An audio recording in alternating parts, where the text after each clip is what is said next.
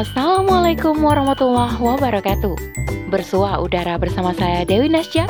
Kali ini di rubrik syiar Dengan judul Nujuman Merusak Iman Oleh Maria Zawawi. Siapa saja yang mendatangi tukang ramal? Kemudian ia bertanya tentang sesuatu Maka salatnya tidak diterima selama 40 hari. Hadis riwayat muslim.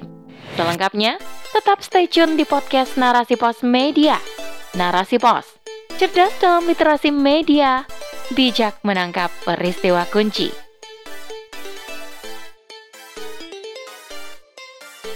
Rara kembali menarik perhatian. Ini bukan Rara adik Nusa yang manis, lucu, dan menggemaskan. Namun Rara si pawang hujan. Kali ini, ia menggegerkan publik dengan ramalannya tentang Emiril Khan Mumtaz putra gubernur Jawa Barat Ridwan Kamil. Gara-gara ramalan itu, namanya sempat trending di Twitter.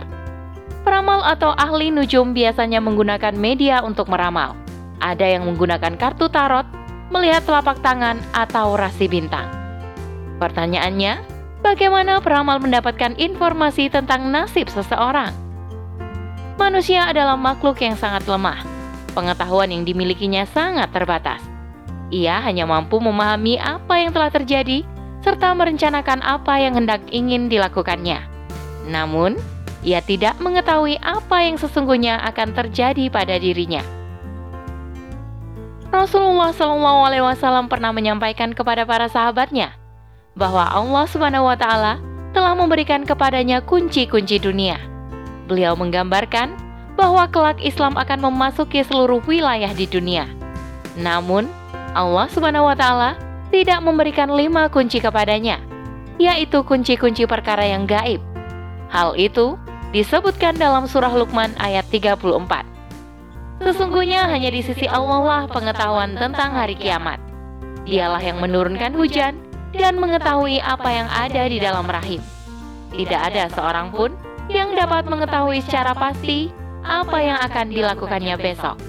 Tidak ada seorang pun yang mengetahui di bumi mana ia akan mati. Sesungguhnya Allah Maha Mengetahui dan Maha Mengenal. Hal itu juga disebutkan di dalam surah Al-An'am ayat 59. Di dalam ayat tersebut, Allah Subhanahu wa taala menyatakan bahwa hanya dialah yang mengetahui kunci-kunci yang gaib. Rasulullah pun menyebutkan hal itu dalam beberapa hadis yang diriwayatkan oleh Imam Ahmad melalui beberapa jalur. Demikian pula dengan hadis riwayat Imam Bukhari. Rasulullah Shallallahu Alaihi Wasallam menyatakan bahwa kunci-kunci semua yang gaib itu ada lima, seperti yang tercantum dalam surah Luqman di atas. Dalam hadis riwayat Imam Bukhari yang lain, diceritakan dialog antara Rasulullah Shallallahu Alaihi Wasallam dengan seorang laki-laki tentang makna iman, Islam, dan ihsan. Setelah itu, laki-laki itu bertanya, tentang kapan terjadinya hari kiamat. Rasulullah mengatakan bahwa beliau Shallallahu Alaihi Wasallam tidak mengetahui kapan datangnya hari kiamat. Beliau kemudian menjelaskan tanda-tanda akan datangnya hari kiamat. Kemudian membacakan surah Luqman ayat 34 hingga akhir ayat. Setelah mendengar penjelasan Rasulullah, laki-laki yang ternyata malaikat Jibril alaihissalam itu pun pergi. Dari sini, kita dapat memahami bahwa tidak ada satu makhluk pun yang mengetahui lima perkara gaib tersebut. Bahkan, Rasulullah dan malaikat Jibril alaihi salam pun tidak mengetahui hal itu. Karena itu, jika ada seseorang yang mengatakan bahwa ia mengetahui apa yang akan terjadi besok, maka ia telah berdusta. Jika tidak ada yang mengetahui apa yang akan terjadi besok, lantas bagaimana para ahli nujum meramal nasib seseorang? Ahli nujum, peramal, paranormal, dan teman-teman seprofesi mereka meramal seseorang berdasarkan informasi dari jin. Jin mendapatkan informasi itu setelah mencuri berita dari langit. Dalam surah Al-Jin ayat 8 hingga 9, Allah Subhanahu wa taala berfirman, "Dan sesungguhnya kami telah mengetahui rahasia langit, maka kami mendapatinya penuh dengan penjagaan yang kuat dan panah-panah api. Dan sesungguhnya kami dahulu dapat menduduki beberapa tempat di langit itu untuk mendengar-dengarkan berita. Namun, siapa saja yang sekarang mencoba mendengar-dengarkan berita, tentu akan menjumpai panah api yang mengintai untuk membakarnya. Hal itu juga diperkuat dengan penjelasan Rasulullah dalam beberapa hadisnya.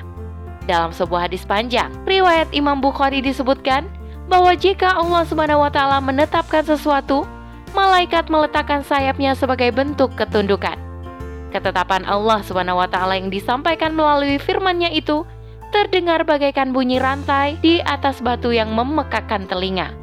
Setelah itu, para malaikat akan membincangkan firman Allah taala tersebut. Saat itulah jin berusaha untuk mencuri dengar pembicaraan mereka. Mereka melakukannya dengan cara saling bertumpuk. Jika jin yang berada di posisi paling atas sudah berhasil mendapatkan berita, ia akan menyampaikan kepada jin yang berada di bawahnya. Begitu seterusnya, hingga jin yang paling bawah. Jin yang paling bawah akan menyampaikan ke para peramal, dukun, dan sebagainya. Informasi dari jin itulah yang nantinya disampaikan oleh peramal kepada orang yang menjadi korbannya. Jin tidak selalu berhasil menyampaikan berita itu ke peramal. Terkadang, sebelum sempat menyampaikan hal itu, jin itu terkena panah api. Inilah yang biasanya kita lihat sebagai fenomena bintang jatuh. Hal ini dinyatakan oleh Allah Subhanahu wa taala dalam surah Al-Mulk ayat 5 Sesungguhnya kami telah menghiasi langit dengan bintang-bintang, dan kami jadikan bintang-bintang itu alat pelempar setan. Dan kami siapkan bagi mereka siksa api neraka yang menyala-nyala. Dalam hadis riwayat Bukhari lainnya juga diceritakan bahwa setan berusaha mencuri dengar dari para malaikat yang berbincang di awan. Mereka berbincang tentang berbagai urusan yang akan terjadi di bumi.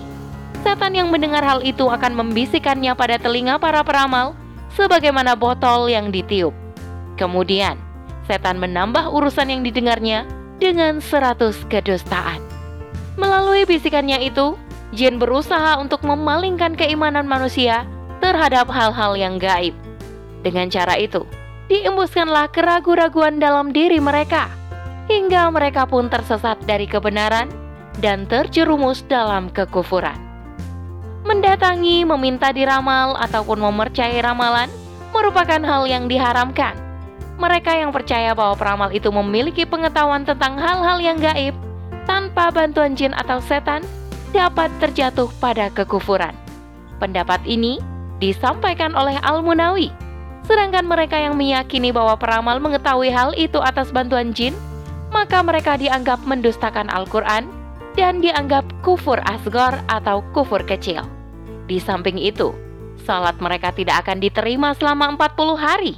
Rasulullah Shallallahu Alaihi Wasallam menyampaikan hal ini dalam hadis riwayat Muslim. Siapa saja yang mendatangi tukang ramal, kemudian ia bertanya tentang sesuatu, maka salatnya tidak diterima selama 40 hari. Dalam syarah Sahih Muslim, Imam Nawawi menjelaskan bahwa yang dimaksudkan di sini adalah orang tersebut tidak akan mendapatkan pahala dari salat yang dilakukannya. Namun, ia tetap dianggap telah menjalankan kewajiban. Dengan demikian, ia telah menggugurkan kewajibannya. Meski demikian, tentu sangat disayangkan jika hal itu terjadi.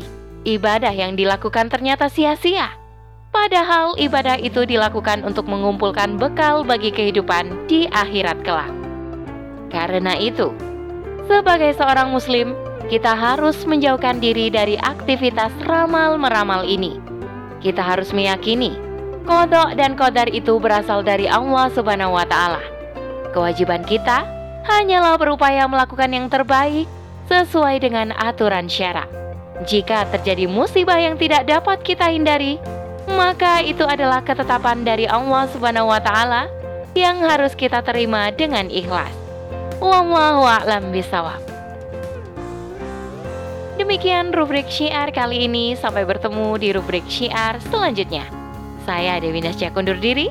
Afu minkum wassalamualaikum warahmatullahi wabarakatuh.